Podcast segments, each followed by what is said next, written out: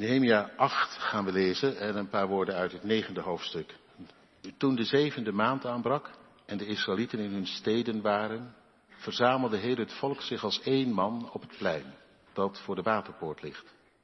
En ze zeiden tegen Esra, de schriftgeleerde, dat hij het boek moest brengen met de wet van Mozes die de Heere Israël had geboden. Esra, de priester, bracht de wet voor de gemeente, zowel mannen als vrouwen, en al wie wat zijn verstand betrof in staat was ernaar te luisteren. Op de eerste dag van de zevende maand. En hij las daaruit voor, voor het plein dat voor de waterpoort ligt, vanaf het morgenlicht tot de middag. Ten overstaan van de mannen en de vrouwen en van hen die wat hun verstand betrof in staat waren ernaar te luisteren. De oren van heel het volk waren gericht op het wetboek. Esra, de schriftgeleerde, stond op, een houten verhoging die ze voor deze gelegenheid hadden gemaakt. En naast hem stonden Matitja, Metsema, Anaya, Uria, Hilkia, Maasea en aan zijn rechterhand en aan zijn linkerhand Bedaja, Misael, Malchia, Hasum, Has, Badana, Zacharia en Sulam. Esra opende het boek voor de ogen van heel het volk, want hij stond hoger dan heel het volk. Toen hij het opende, ging heel het volk staan. En Esra loofde de Heere, de grote God. En heel het volk antwoordde onder het opheffen van hun handen. Amen, amen.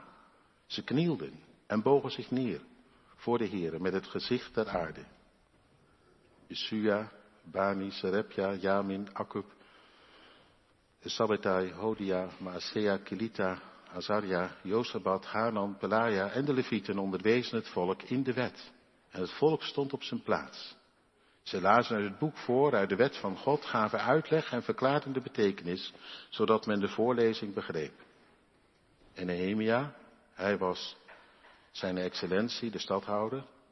Ezra, de priester en de schriftgeleerden en de levieten, die het volk onderwezen, zeiden tegen heel het volk, deze dag is heilig voor de Heere uw God. Rouw dan niet en huil niet. Heel het volk huilde namelijk toen ze de woorden van de wet hoorden.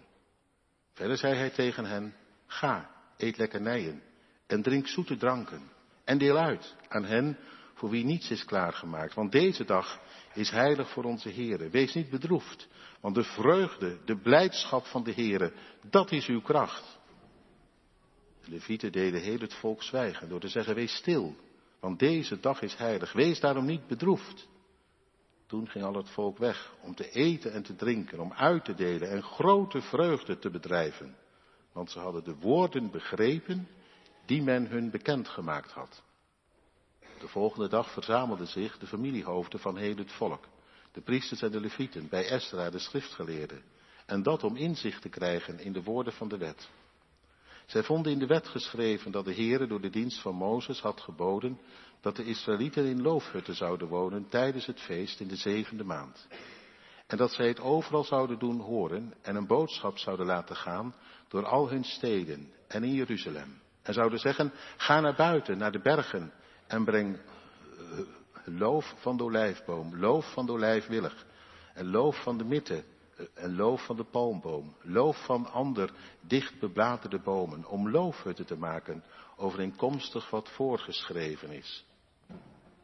Toen ging het volk erop uit en ze haalden loof en ze maakten loofhutten voor zichzelf, ieder op zijn dak en in hun voorhoven en in de voorhoven van het huis van God en op het plein van de waterpoort en op het plein van de Efraimpoort. De hele gemeente van hen die uit de gevangenschap waren teruggekeerd maakten loofhutten en woonden in die loofhutten, want zo hadden de Israëlieten niet meer gedaan vanaf de dagen van Jozua, de zoon van Nun, tot op deze dag. En er was zeer grote blijdschap. En men las dag en dag voor uit het boek met de wet van God vanaf de eerste dag tot de laatste dag. En ze vierden zeven dagen feest. En op de achtste dag was er een bijzondere samenkomst volgens de bepaling. En dan nu nog een paar woorden uit het, het slot. Het is zo dat Israël eh, te, eh, teruggekeerd is uit eh, de ballingschap natuurlijk, maar ehm, ze zijn nog niet helemaal vrij. Ze zijn wel bevrijd, verlost en toch nog niet helemaal vrij van uh, het oude regime. Er moet nog belasting worden betaald. En uh, in die zin zijn ze nog gebonden. En, um, en Nehemia die weet daarvan en die legt zich daar niet bij neer, want die gaat voor het beloofde. Volkomen vrijheid van het volk van God en los van alle andere, andere machten. Dat ook de resten van het oude regime zullen worden gebroken. Maar dat, ja, dat gaat niet vanzelf. Je kunt niet in opstand komen. Dat kan alleen als God het geeft. En hoe geeft God dat dan? Nou door volkomen toewijding aan Hem heen. Zo worden de resten van het oude regime gebroken. Niet door uh, een revolutie, maar door toewijding. En daar gaat het over in het, het slot. Dan weet u even waar dat, waar dat mee te maken heeft. Ik lees vanaf vers 36. Zie, zegt Nehemia hier, nadat er een heel gebed gebeden is. En het is de moeite waard om dat vandaag nog eens te lezen, dit gebed. Dan zegt hij aan het eind, zie, vandaag zijn wij slaven en het land dat u aan onze vaderen hebt gegeven om de vrucht en het goede daarvan te eten, zie, wij zijn slaven daarin. De opbrengst ervan verschaft veel rijkdommen aan de koningen die u over ons hebt aangesteld vanwege onze zonden. Zij heersen over onze lichamen en over onze dieren, naar hun goed dunken. Dat betekent dat ze nog behoorlijke belastingen kunnen opleggen. En wij zijn in grote benauwdheid. Op grond van dit alles sluiten wij een vaste overeenkomst. Dat wil zeggen, een overeenkomst voor God. Ze zetten hun handtekening, een soort gelofte van toewijding. En stellen die op schrift met het zegel van onze vorsten, levieten en priesters. Tot zover de schriftlezing.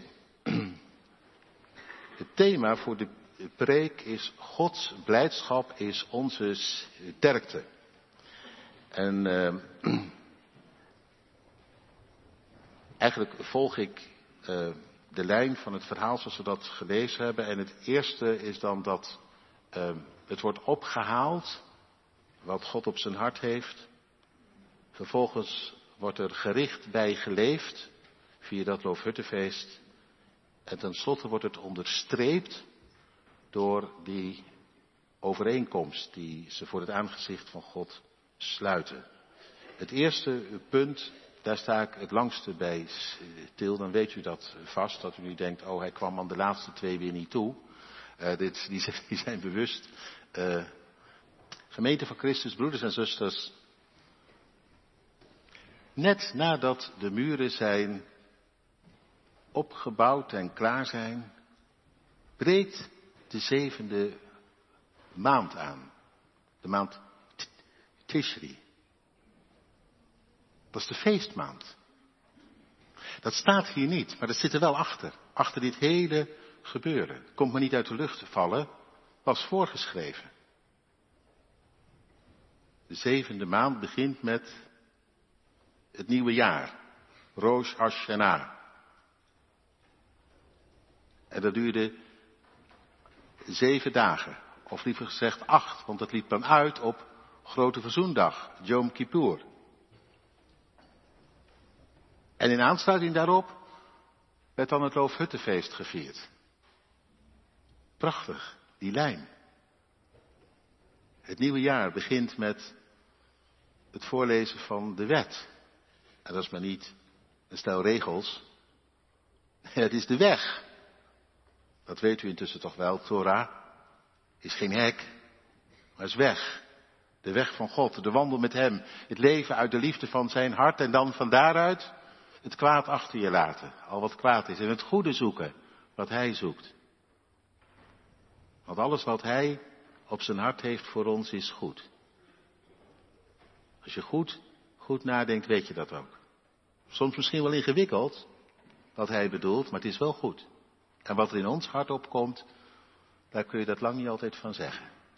Dat dat oké is. Nou ja, dus opnieuw als het ware erin gezet. In die wet, op die weg. In de liefde van God, in het goede van Hem. Opdat het je wel gaat. Zo staat er een en ander maal in de Torah. Daarom. Prachtig. En dan, ja, Dat moment.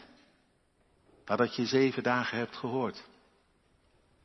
Ja, wie zou er niet in tranen zijn na zeven dagen over dit of dat? Want wie heeft het nou van A tot Z rond? Toen en daar, Jom Kippur, de dag van verzoening, van bedekking, heel letterlijk. Jom Kippur. Dat God je er niet op afrekent, maar dat er een, voor je ogen een lam wordt geslacht, een bok, en dat er een, terwijl daar alle ongerechtigheid op wordt gelegd, de woestijn in wordt gestuurd. Dubbelop dus krijg je te zien. Niet jij bloed, maar die bok. Niet jij moet uit Gods ogen, maar die bok. En jij, jij mag erin. Het eindigde met de zegen, genade, vrede. De Heere zegene u. Zo kwam de hoge priester naar buiten aan het eind van de dag. De Heere zegene u. Hij is nabij. Hij behoedt je. Hij is je genadig. Hij doet zijn aangezicht over je oplichten en geeft je zijn vrede. Shalom. Je mag thuiskomen bij hem en zo in die vrede op huis aan. En dan, ja, gelijk erachteraan, loofhuttenfeest. We lazen ervan. En dat herinnerde aan de tijd dat Israël verlost uit Egypte op weg ging naar het land van de belofte.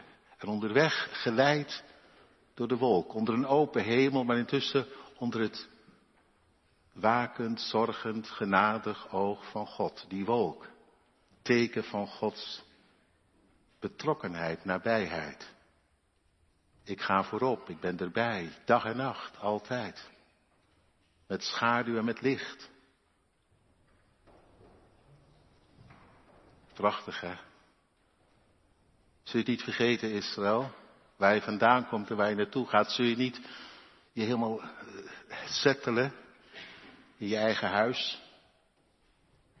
Maar beseffen dat het heen gaat naar de toekomst die wacht. Ga maar even zeven dagen in een loofhut wonen, zei God. Kun je het je even herinneren? Onder een open hemel. Even, even weer denken aan waar je vandaan komt en aan waar, het, aan, aan waar het naartoe gaat. Mijn toekomst. Prachtige volgorde. En dan van daaruit natuurlijk opnieuw toegewijd. Is de bedoeling. Dat de wandel met hem er meer dan ooit weer inkomt als die een beetje versloft was. Een ritueel, een vorm om zodoende de inhoud vast te houden bij Israël. Een mens kan niet zonder vormen. Daar raak je alles kwijt. Die heb je nodig, vormen, rituelen. Om zodoende steeds herinnerd te worden aan dat goede van God. En erbij te blijven. En zo zegt de Heer, kom ik nabij en houd ik bij jou, bij jullie, de gang erin. Want dat is wat ik zoek. Dat begrijpen we toch wel. Toen voor Israël. Een volk dat zich laaft aan zijn liefde. En het goede leeft wat hij met hen voorhad. En dat zo zijn heerschappij, zijn zeggenschap, zijn koninkrijk daar op dat kleine stukje aarde al werkelijkheid zou worden. Met vallen en opstaan, maar toch. Als een teken van de toekomst. Wat heel de aarde vervuld zal worden. Van de kennis van Hem.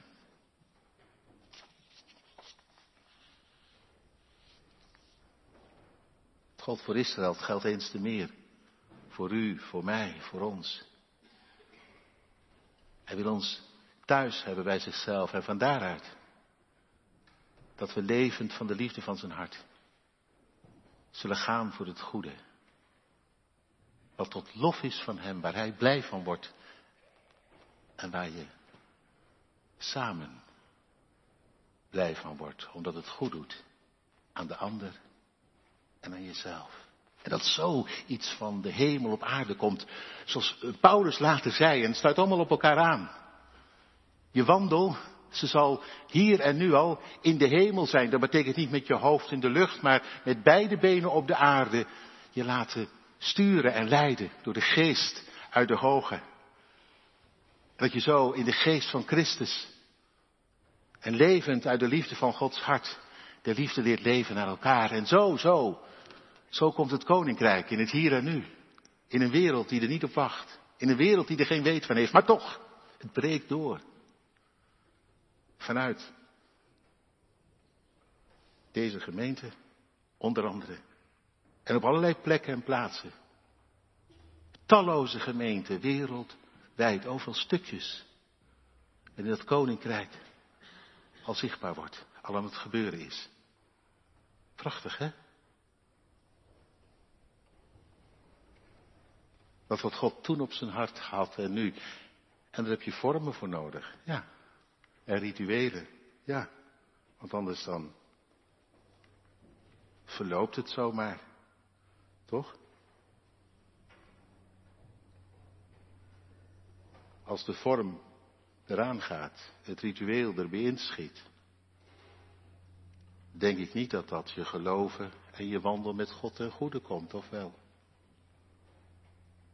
Ik wil wel zeggen, daar zit het niet in. Maar dat is een beetje gemakkelijk gezegd. Natuurlijk is het een vorm zonder inhoud. Uiteindelijk niks. Dat is al ook geweten. Hè? Ze hadden ooit hadden ze hele sterke muren gehad. Die waren nog wel uh, sterker dan die muren die nu waren opgebouwd. Maar ja, het hart voor God was eruit. Dus daar binnen die muren was het leeg. En toen hadden die muren uiteindelijk niet geholpen. Toen waren ze toch door de vijand overlopen. En die muren, die waren gewoon tot de grond toe afgebroken. Dus vorm zonder inhoud helpt niet. Dat geldt nu ook. Dat houdt vanzelf een keer op. Overlopen door de vijand gaat de vorm dan ook teloor. Net als die muren van toen. Maar nu, nu zijn de muren weer opgebouwd, prachtig. En nu, ja, of Nehemia het erom gedaan heeft, weet ik niet precies. Dat hij zei, we moeten voor die zevende maand klaar zijn. Maar het zou zomaar kunnen, het staat er niet bij, maar het zou zomaar kunnen. In ieder geval, ik vind het een prachtige volgorde. Die muren, die zijn nu gebouwd en nu inhoud. Want het gaat wel om de inhoud natuurlijk. En daarom, de maand Tishri, dat is de maand waarin God opnieuw zijn hart wil openleggen en ons opnieuw met hart en ziel erbij wil halen. Goede vorm. Niet alleen maar blij zijn met de muren. Met hoe aardig het eruit ziet allemaal. Maar zorgen dat je ja, met elkaar zult leven bij dat wat God echt voor ons op zijn hart heeft. Dat dat van Hem zich kan doorzetten. Dat. Daar heb je een ritueel voor nodig, een prachtig ritueel. God had er zelf voor gezorgd. Hij weet dat wij mensen zijn. Hij weet dat wij, mag ik gewoon zo zeggen, zondaren zijn. Dus het gaat bij ons nooit vanzelf. Echt niet. Bij u niet, bij mij niet. Ook niet als je dominee bent hoor. Zonder ritueel gaat het bij mij ook gewoon over. Ik heb niet vanzelf hart voor God. Ik heb een ritueel nodig, een vorm. Op zondag de kerkdienst. In de week de omgang met Hem. En zonder die vorm verlept het en verloopt het bij u, bij mij, bij ons allemaal. Daar zijn wij te zondig voor. Wij kunnen niet zonder vormen. Echt niet. En daarom is genade, die vorm, dat ritueel is niet, ugh, wat een gezeur en wat een last. Nee, is genade. God zegt, begin nou maar gewoon te doen. Wat ik heb gezegd. Moest kijken hoe ik er dan in mee kan komen. Wat, wat, wat daar voor zegen in kan zitten. Mooi hè? Een pleidooi voor de vorm. Als genade van God, waarin die ons tegemoet komt. En ik zie het hier gebeuren. Toen de zevende maand aanbrak en de Israëlieten in hun steden waren, verzamelde heel het volk zich als één man op het plein. We hebben het gelezen in Deuteronomium, dat was de bedoeling. Niet iedereen zijn eigen feestje op zijn eigen manier. Daar zijn we vandaag erg van. Wij zijn een individualistische cultuur geworden, zo heet dat dan. Het is ieder zijn eigen feestje op zijn eigen manier, zijn eigen geloof zoals jij het ziet. En ik kan ook wel zonder dit en dat en zus en zo. Wat denk je, zullen we eraan winnen? Of gaan we eraan verliezen? Aan je eigen manier. In plaats van aan de, dat ritueel dat God gaf. Nou goed, hier dus niet. Als één man staat hier, prachtig. Als één man komen ze overal vandaan. Uit alle hoeken en gaten. Zoiets als hier vanochtend, dat is mooi hoor. Dat is heel mooi. Prachtig dat u bent gekomen. Misschien niet eens omdat u gelijk de zin had, want het zit er bij ons niet altijd in, de zin. Maar dat u toch bent gekomen, toch zegt nee, die vorm houd ik vast. Dat ritueel, ik kan niet zonder. Ik heb het nodig om, om inderdaad erbij gehouden te worden, te worden gevoed. Als ik dat niet meer doe, is het zomaar over. Niet omdat het niet echt is dat wat God deed, maar omdat, het, omdat ik ben wie ik ben. En ik ben net wat minder echt als dat ik lijk. Nou ja, goed. Prachtig dat u er bent. Samen, staat hier ook, met iedereen. Hè? Volwassenen en kinderen en zelfs eh, de volwassenen, de jongeren en zelfs de kinderen. Iedereen die een beetje kon gaan nadenken. Nou, hier zitten ook kinderen, zaten vanochtend hiervoor, zitten nu weer in de kerk een heel aantal. En jullie kunnen ook nadenken. Het is goed dat je er bent. Staat hier. Als je een beetje kunt gaan nadenken, is het goed dat je er bent. En dat je met God gaat meedenken. Want dat doen we in de kerk. Met God gaan meedenken. Zoals Hij denkt, dat daardoor jouw gedachten worden gevoed. Dat je dat op het spoor komt wat Hij bedoelt, belooft, verlangt, vraagt. Ze komen als één man. Niemand zei, dat was trouwens ondenkbaar in die wereld van toen, nou nee, zie ik niet zo zitten. Ik kan even goed wel, nee. Als één man. Mooi om een voorbeeld aan te nemen, steeds weer. En dan, ja, dat vind ik wel mooi. Esra staat op een verhoging, een soort preekstoel, de eerste preekstoel in de Bijbel. Zoiets. Uh, Esther staat op een verhoging, gewoon dat iedereen hem kan zien. Ik sta hier natuurlijk niet om uit de hoogte tot u te spreken, maar gewoon dat iedereen me goed kan zien en goed kan horen. Hè? Daar is het voor. Dat begrijpt u ook wel. Nou goed, toen dus ook al. En moet je voorstellen dat hele plein vol, dus Esther een verhoging. En dan vind ik zo mooi wat er gebeurt.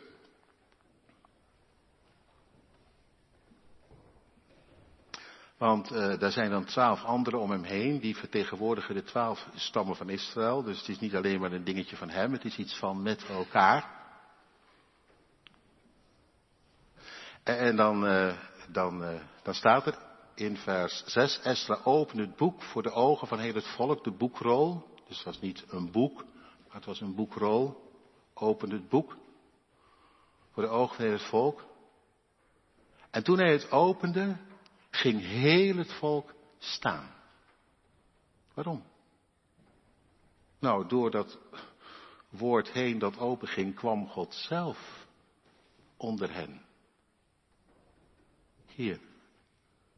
Door deze woorden heen verschijnt God zelf. Neemt Hij het woord. En dat gaf ontzag. Zoveel ontzag dat mensen als één man opstonden.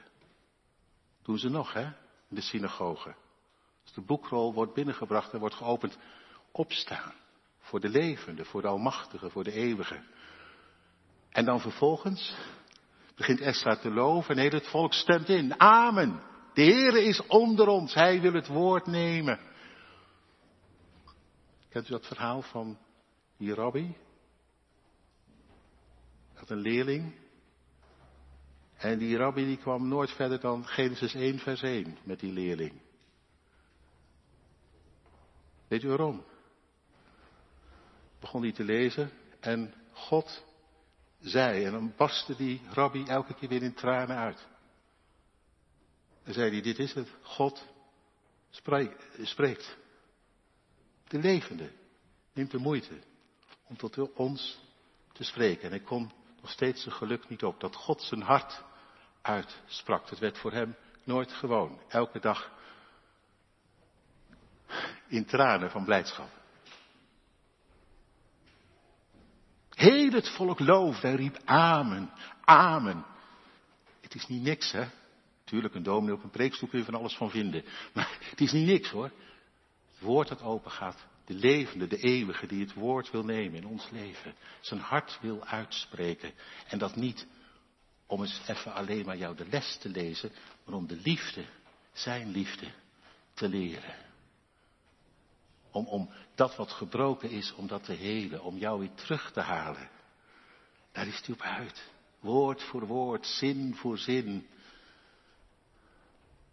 Alleen maar uit op heil en leven. Heel het volk stond op en loofde, ja, om te beginnen, om te zingen. En toen, toen knielden ze en bogen ze. Ze bogen en ze knielden in ontzag. En tegelijk ook met verlangen. Handen opheffen met verlangen. En, klien, en knielen en buigen in ontzag. Mooi hè, die beweging. Vind ik wel mooi. En we hebben het er wel eens eerder over gehad. En ik ga u niks opleggen hoor. Maar als ik het zie, vind ik het wel mooi. Is niet niks, hè? Die beweging. Die beweging die, dat is een uiting van wat er in hun hart omgaat. Ontzag, verlangen.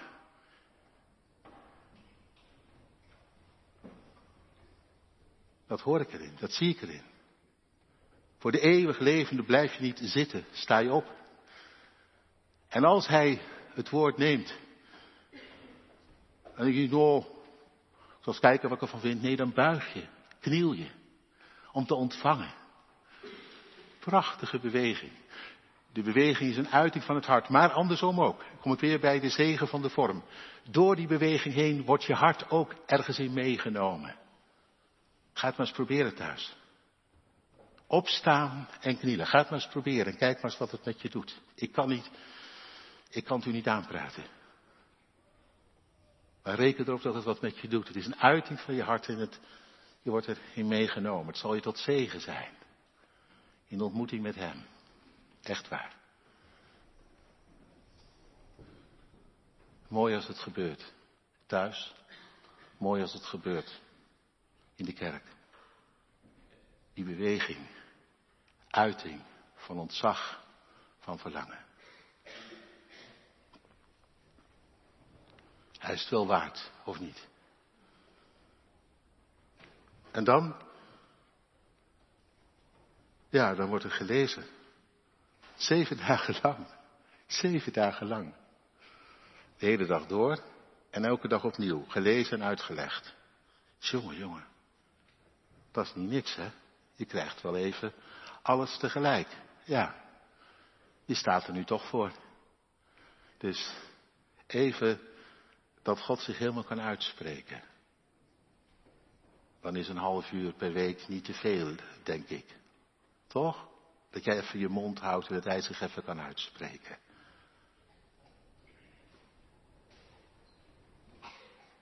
En dat jij dan in ontzag opstaat en buigt. En het hem voor het zeggen geeft.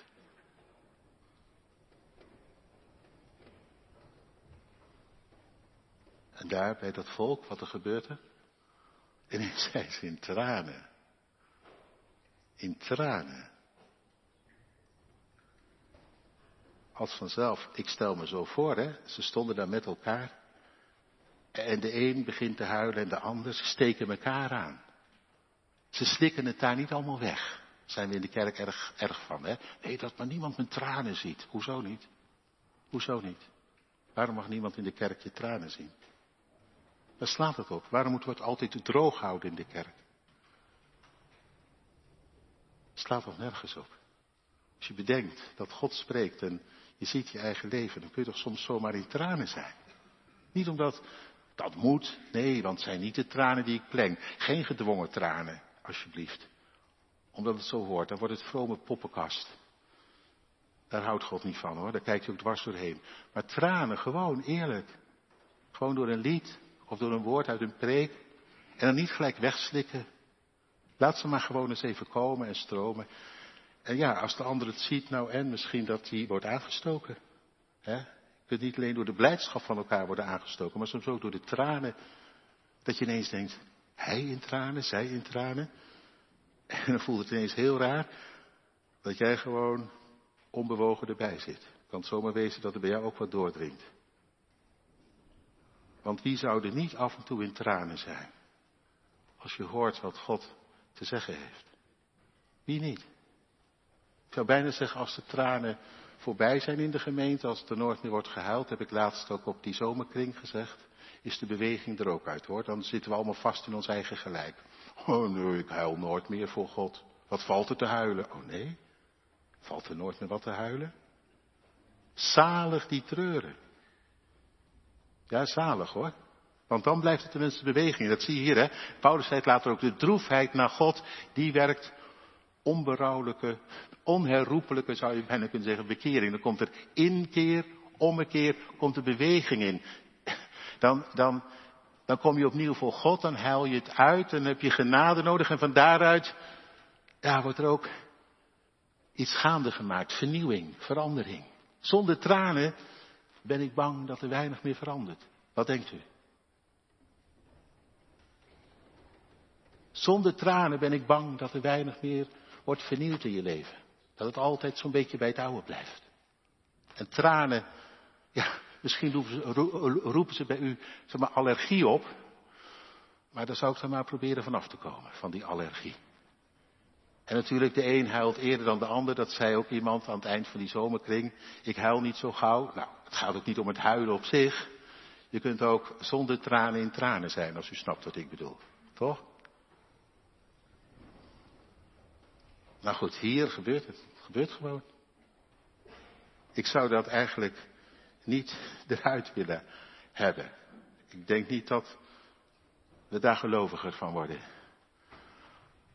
Aanbidding is mooi, maar zonder tranen wordt het, als het niet oppast, gaat het klinken als een schel symbaal, zoals Paulus zegt. Tranen. Weet u hier, ja, dat is heel mooi. Het wordt niet gezegd, maar daar kun je op rekenen.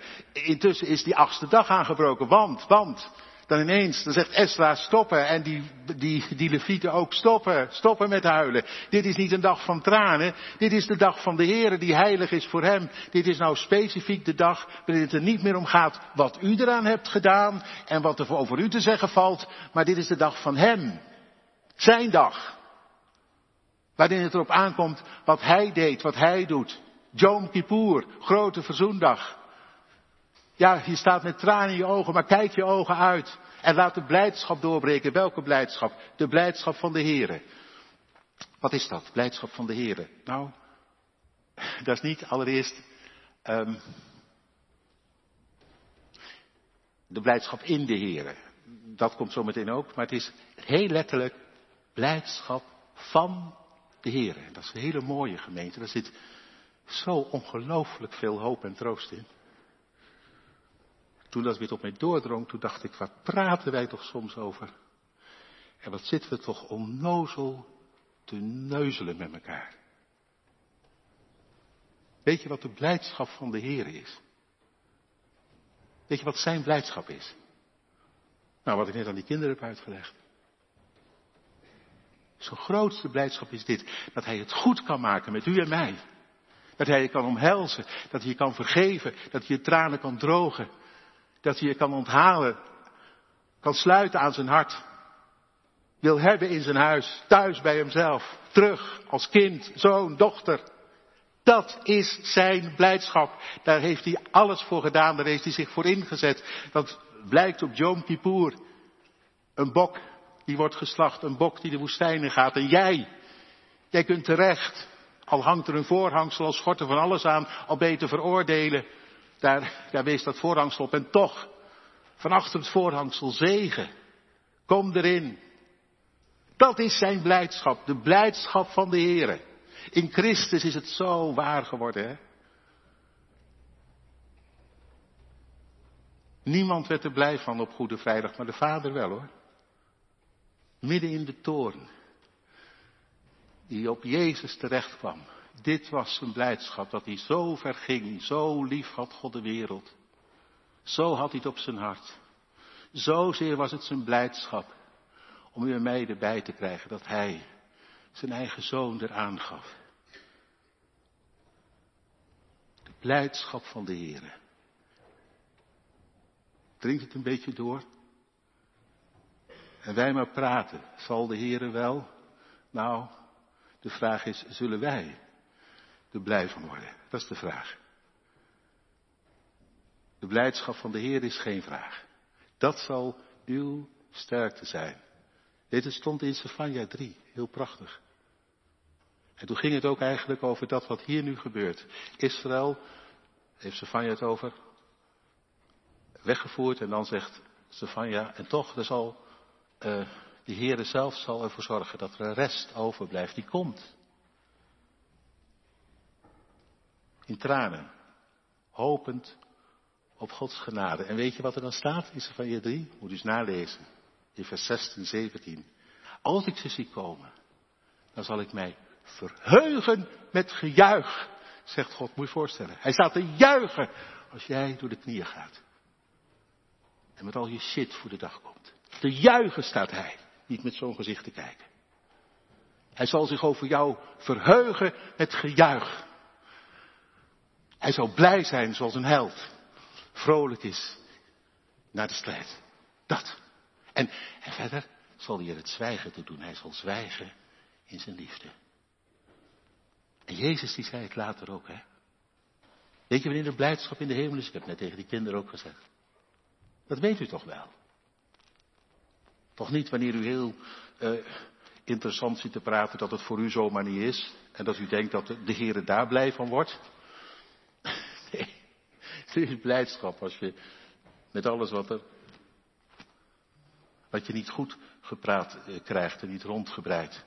komt voor hem blijdschap in de hemel over een zondaar. Over een zondaar die zich keert tot hem. Zie je dat die tranen in beweging zetten? komt een dynamiek in je leven. Niet dat dooie en duffe gedoe van altijd hetzelfde. Dynamiek. Een zondaar die zich keert tot hem. Blijdschap in de hemelen. Ongelooflijk. Ik, ik, ik kan het niet eens goed vatten, weet u dat? Maar het keert alles om. De blijdschap van de Heer zal uw sterkte zijn, uw houvast, uw hoop, uw troost.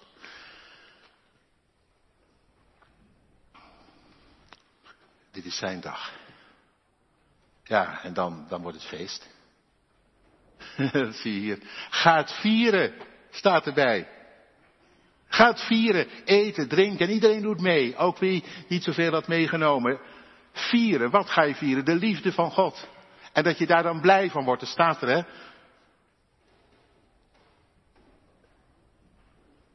Ze gingen grote vreugde bedrijven. 13e vers, dat is ook de bedoeling. Staat ook later in het Nieuwe Testament. Verblijd je in de Here te alle tijd. Hij wordt blij van jou met dat je ziet. Jij blij van hem met wie hij voor je is. Verblijd je. Paulus zegt, ik zeg het nogmaals. Verblijd je.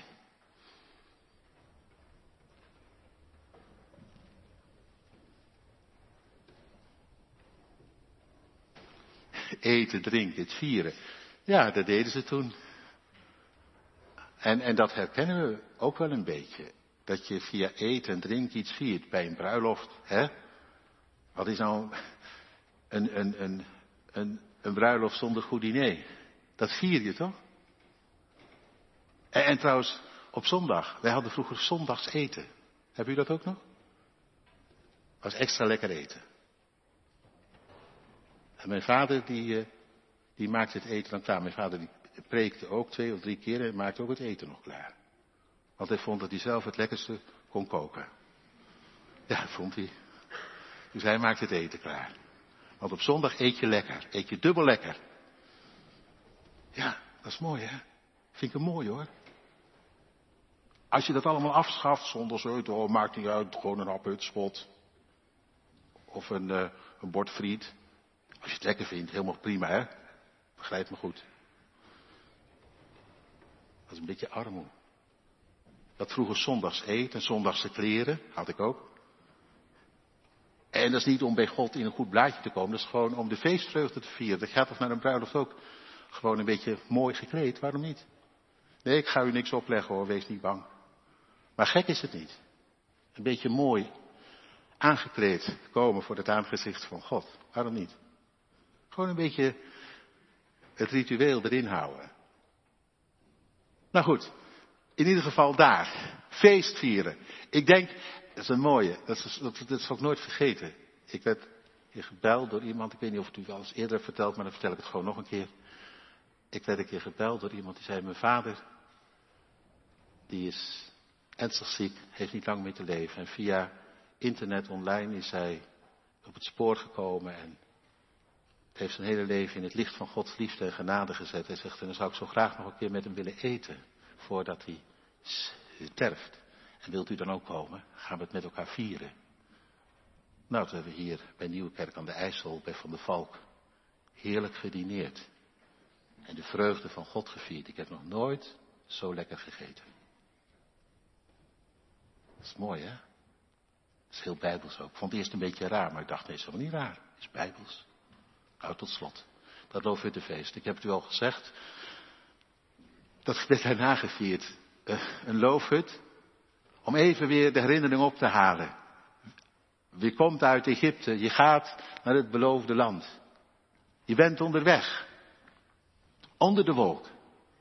Zeven dagen lang. Het je even te binnenbrengen. En intussen blijf lezen. Om zodoende de gang erin te houden. Daarna, tuurlijk weer je werk en dit en dat, maar toch. Even weer op het goede been worden gezet. Gemeente, dat. Wij vieren geen loofhuttenfeest. Moeten we eerst al ook niet in nagaan apen. Wij zijn niet uit Egypte gehaald, maar we zijn wel verlost. In Christus toch? Onderweg naar die toekomst van Hem. Er stil bij staan. Wat mij betreft dan liefst toch maar even elke dag onder een open hemel. Opnieuw onder de wolk.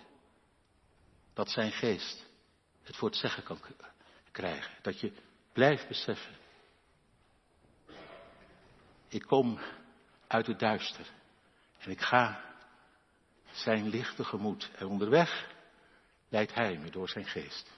En dat je dat bewust blijft, hou je ook de gang erin. Dus nee, we kunnen niet zonder. Niet zonder het ritueel. En dan tot slot, dat laatste. Die overeenkomst, die wordt getekend. Vind ik zo mooi. Ik had het nooit zo, ja, ik had het nooit uh, echt goed gezien, maar. Dat is mooi, hè? Nehemia die zegt, we zijn wel vrij, maar nog net niet helemaal. Er zijn nog resten van het oude regime. En die schudden wij niet van ons af. Maar weet je wat we gaan doen? We gaan ons houden aan de belofte van God. Dat Hij ons vrijheid heeft beloofd en we wijden ons toe aan Hem. En dat Hij het dan verder uitwerkt. Nou, heb je er ook wel eens last van, van de resten van het oude regime? Als je bent verlost door Hem, ik wel. De resten van het oude regime, dat de zonde weer beslag op je legt. Dat je toch nog, als het ware, schatting moet betalen, belasting aan de boze, aan de, aan de vijand van toen. Er staat hier zelfs in grote benauwdheid zijn wij. Nou, nou, nee, ja, dat valt toch wel mee. Nee, het benauwt me, zegt hij. Dat we nog niet echt vrij zijn. Paulus zei, sta dan in de vrijheid waarmee Christus heeft vrijgemaakt. Maar hoe doe je dat dan? Gewoon door hard te roepen? Nee, door je toe te wijden. En hoe meer ik toegewijd ben aan Hem, hoe meer ik leef in Zijn nabijheid, hoe meer Hij Zijn belofte waarmaakt, dat ik al vrijer word. Vrij van mezelf, vrij van zonde, vrij om het goede te doen, waar Hij blij van wordt. Amen.